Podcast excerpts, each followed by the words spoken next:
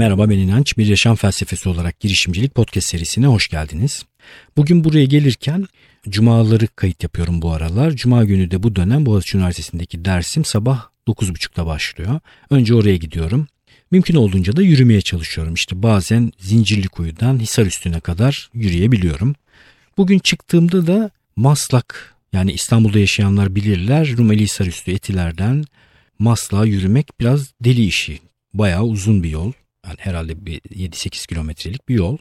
Yürümek istedi canım. Tolga'yı aradım hazırlıktan arkadaşım. Daha önce eşi Melsen podcast kaydına gelmişti. E, Tolga da makine mühendisliği mezunu ve Wonderland kafesini işletiyordu. Sonra nefis bir şekilde battılar. Anlatmıştım size. Tolga'yı aradım. Dedim ki hadi yürüyelim Maslak'a kadar. Tamam dedi. Buluştuk. Böyle Hisar üstünden başlayan Maslak'a kadar devam eden bir yolculuk.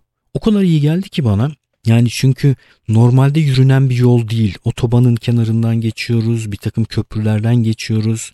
Ee, işte dört Levent'e kadar yürüdük, bir yokuşu indik. Çok dik bir yokuşu çıkmamız gerekti. Birden pat diye otobanda yol kesildi. Hiç kimsenin yürüyeceğini düşünmedikleri için bizim ülkemizde burada yürünmez herhalde diye düşünüyorlar. Pat diye ortada kaldık. Yani geçmemiz gerekiyor. Neyse bir şekilde aştık. Böyle yoğun deneyimler benim çok ilgimi çekiyor. Yani insanın zihnini başka türlü çalıştıran şeyler bunlar. Özellikle işin içerisinde bir takım aktiviteler varsa. Ne bileyim işte sabahlanan günlerde sabaha doğru zihin başka türlü çalışır. Onları da çok severim. Bir tane sevdiğim film vardır arada bir izlerim Scorsese'nin e, After Hours yani erken, geç saatler diye çevrildi herhalde. Martin Scorsese'nin filmi eski dönem filmlerinden muhakkak izleyin. O filmi insanlara önerirken mesela şöyle öneririm. Filmin süresine bak arkasından 85-86 dakika her neyse. Şafak güneş doğum saatine bak internetten ne zaman güneşin doğduğuna. O güneş doğum saatinden filmin dakikası kadar geriye sarıp orada başla. Yani diyelim ki 6.15'te güneş doğuyor ve film 85 dakika. 85 dakikayı çıkar 6.15'ten. Şimdi çıkarma yapmayalım. ne zamansa işte o zaman başla film bittiğinde şafak vakti olsun. Bunu tabii önermemin bir nedeni var ancak bunu yaşayarak görebilirsiniz bunun niye böyle önerdiğimi. Mesela o filmi o şekilde izlemek de bende enteresan bir zihin yapısı oluşturur. Bu yürüyüş de böyle bir şey oluşturdu. Yani yürürken bir sürü şey konuştuk, girişimcilik üzerine konuştuk, yaşlanmak üzerine konuştuk. Gerçekten çok enteresan bir muhabbetti. Birden pat diye güneş enerjili katamaran görmüş Tolga onu anlattı. O katamarandan bahsetti. İşte bunun baya böyle zengin zevki olduğundan bahsettik. Zengin zevki deyince benim aklıma birden ya bir başka zengin zevki de golftür demek geçti dedim. Sonra yürürken ya biz niye golf oynamıyoruz ki dedim Tolga'ya. Golf oynayalım ya. golf oynayalım ya ne demek ya. Golf oynasak nasıl olur diye sordum. Aa evet aslında çok güzel bir faaliyet dedi. Oynanabilir, nerede oynayabiliriz diye düşündük. Biraz böyle pat diye orada yürüme sırasında aniden aklımıza gelen bir şey bu yani. Golf çok etrafımızda görüp sıklıkla rastladığımız bir şey olmadığı için ve belli bir Amerikan kültürüne, Amerikan filmlerine çok yapıştırdığımız bir şey olduğu için gündelik hayatımızda biz golf oynasak mı oynamasak mı diye düşünmediğimiz bir şey. Birden Tolga'yla golf oynama kararı aldık. Bunu niye anlatıyorum? Belki de içinizde şu anda golf oynayan, bu spora meraklı, hayatının içerisinde tutan birileri vardır. Bana öğretmesini isterim. Yani birlikte golf oynamak isterse birisi dinleyicilerden, podcast dinleyicilerinden birisi çok memnun olurum. Ben de Tolga'ya öğretmiş olurum böylece. E, niye golf? Tabii analiz etmeye başladık. Çok yeşil bir alandasın, doğanın içindesin.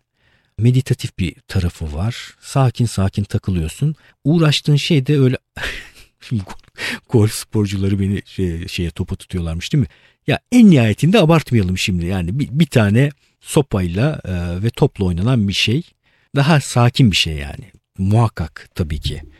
Yani bu bunu profesyonel spor olarak yapanların kahkahalarla güleceği şeyler söylüyorum ama amatör olarak rahatça oynayabileceğin yani şöyle diyeyim basket maçını oynadığında terliyorsun, yoruluyorsun ve meditatif bir tarafı yok. Golf ise biraz daha vakte yayılmış böyle uzun uzun e, oynanan keyifli bir şey olduğu için analizimiz bu yönde. Golf oynamak istiyoruz Tolga ile. Bakalım ne zaman yapacağız.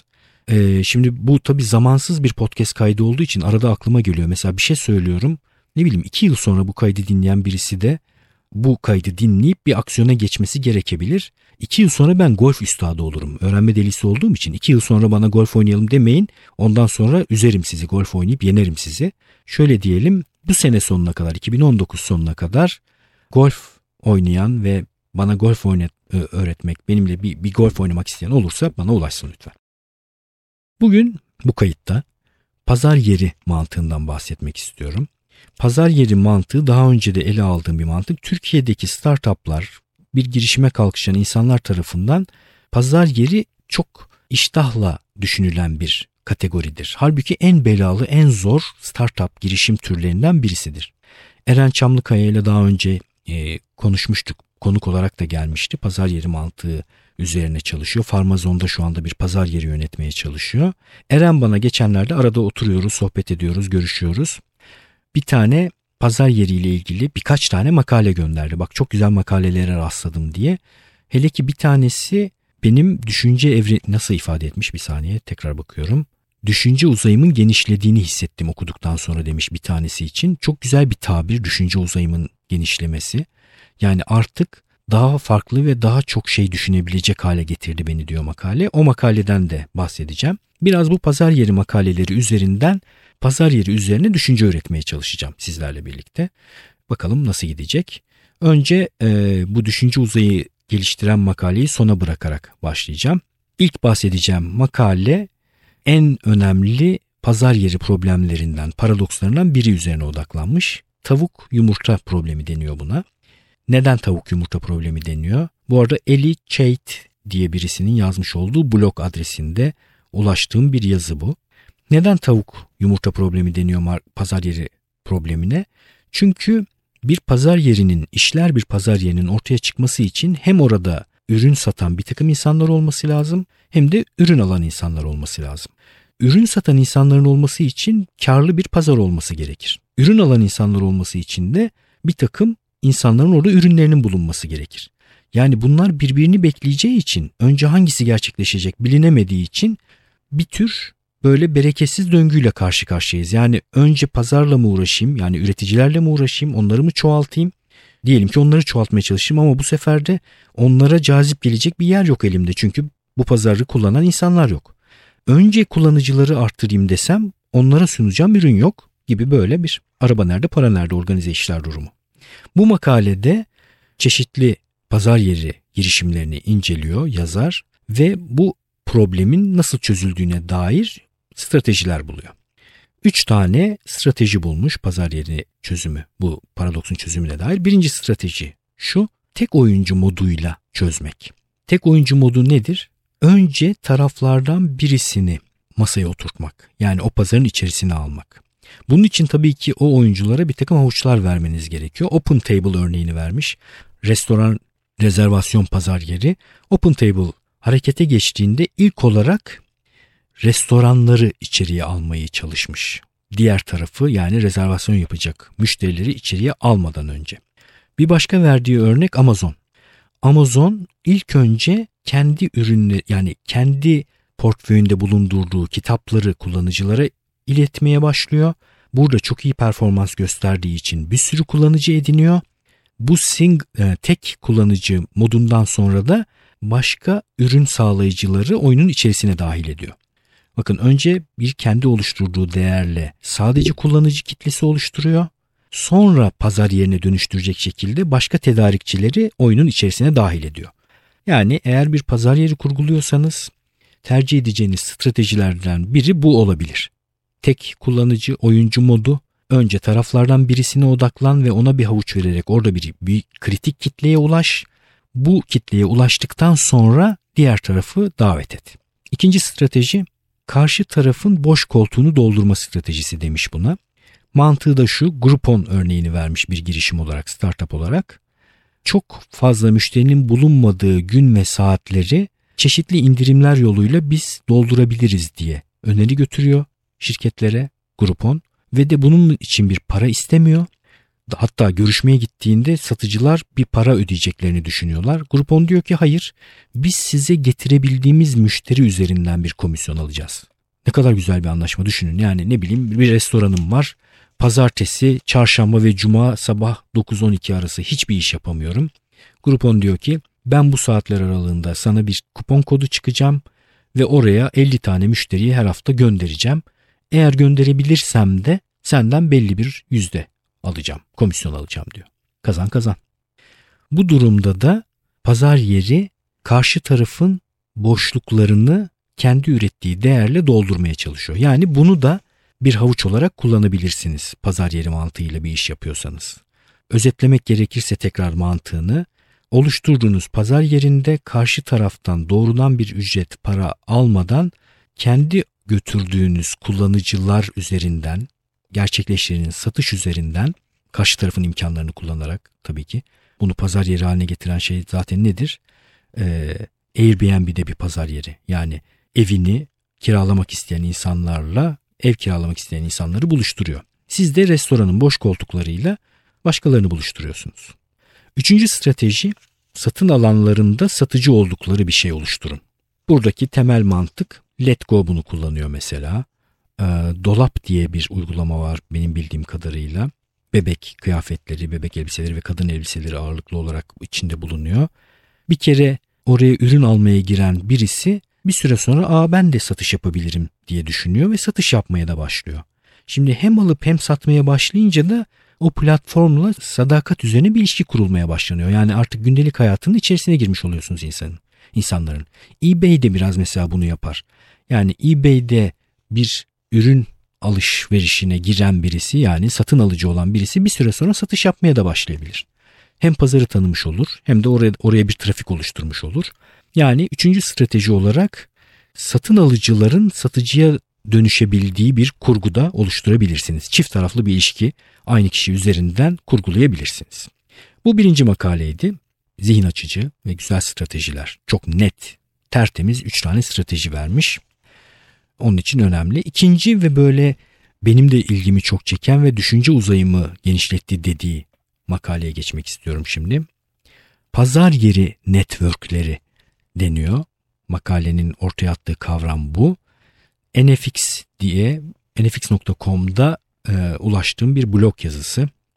Burada da diyor ki öyle bazı pazar yerleri kurgulayabiliriz ki üç şeyin kesişimini bir araya getirebilir. Yani network, pazar yeri ve bir iş akışı yani SaaS gereci.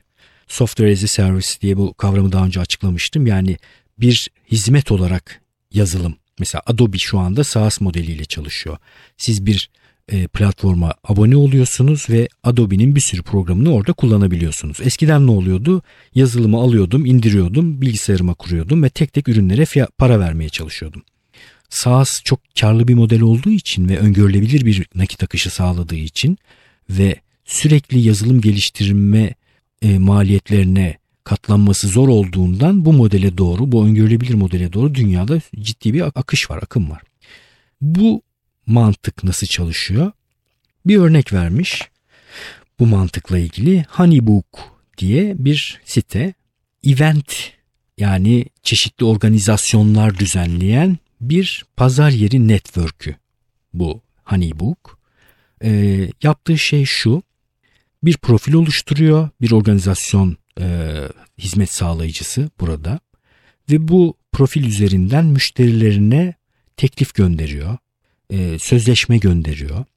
Sonra bu sözleşme üzerinden e, organizasyonlar çok fazla tedarikçiyi bir araya getirdiği için yani organizasyon şirketlerinin yaptıkları nedir? İşte oteli bir araya getirir, çiçekçiyi bir araya getirir, oteli, çiçekçiyi, yeme içme işlerini, müziği, bütün bu tedarikçileri bir kişi adına ya da bir kurum adına bir araya getiren şeylerdir organizasyon şirketleri.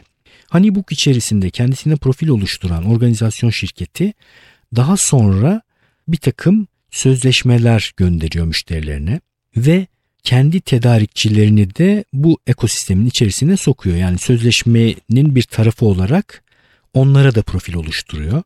Böylece ne oluyor? Bakın SaaS nedir burada? Sözleşme gönderme, müşterilerini kaydetme, kendi profilini oluşturma gibi bir hizmeti bir yazılım hizmetini ben buradan alıyorum.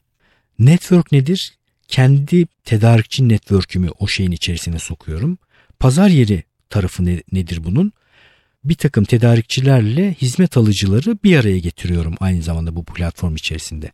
Bakın üç şey bir arada işleyerek çok kuvvetli bir pazar yeri mantığı oluşturmuş oluyor. Bunu daha önce Angel List üzerinde de gördüğümüzü söylüyor blog yazarı. Angel List'te yapılan şey yatırımcılarla yatırım alacak tarafları bir araya getirmek ve aynı zamanda Angel List üzerinden profil oluşturma mantığı. Bu mantığı da kullanarak bir noktaya gelmeniz mümkün diyor.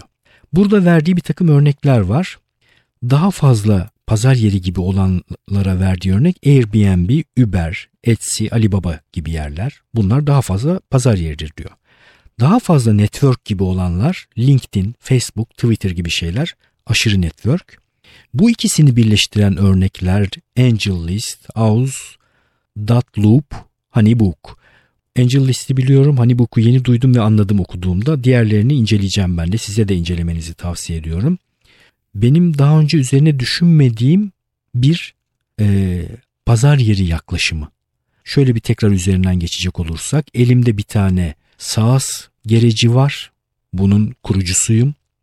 Bu SaaS gerecinden hizmet alanların içeride profil oluşturmasına imkan veriyorum ve bu profili oluşturanlar da başka tarafları kendi kurgularının içerisine dahil ederek kendi networklerini de getirmiş oluyorlar. Bir yandan da bu bütün hizmetleri bir takım insanlara sunuyorum. Bu da pazar yeri haline dönüştürüyor o şeyi. Çok kompleks ama bir yandan da kendi içerisinde viralite taşıyan bir pazar yeri mantığı.